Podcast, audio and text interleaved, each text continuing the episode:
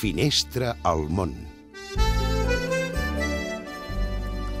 Anem cap a Brussel·les. Jaume Masdeu, bona nit. Bona nit. Des de fa tres setmanes a Bèlgica tothom ja s'aplica la màxima que si avui és dilluns toca vaga general. És que tres dilluns seguits, el 24 de novembre, 1 de desembre i 8 de desembre, parts del país han fet vaga general, vagues mòbils en contra dels plans d'austeritat del govern. Aquest dilluns va tocar a Brussel·les i el cert és que van deixar la ciutat buida. Ni els diumenges queda tan tranquil·la. Però la forta, la culminació ve dilluns que ve el 15 quan hi ha la vaga general a tot Bèlgica, a tot el país.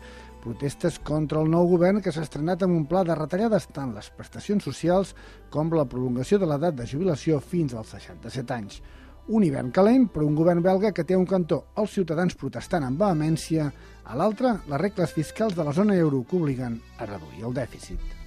Gràcies, Jaume. Ara cap a Buenos Aires. Joan Biosca, che, buenas noches. ¿Qué haces? Buenas noches, Elisa.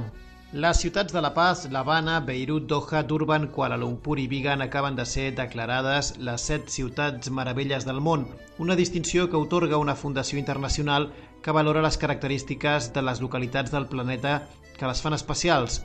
Jo em vull centrar avui en La Paz, a Bolívia, una ciutat situada a 3.600 metres d'alçada que sempre que em pregunten per ella recomano visitar per la seva orografia, ubicació, sinuositat, estètica i habitants.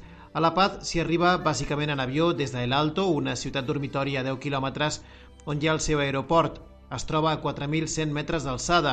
Us imagineu aterrar en avió a la pica d'estats?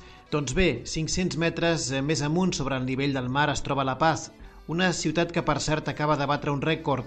És la capital amb més quilòmetres de telecabines, el metro de les alçades, que recorre la ciutat al llarg de més de 30 quilòmetres i també la fa única al món per aquesta característica.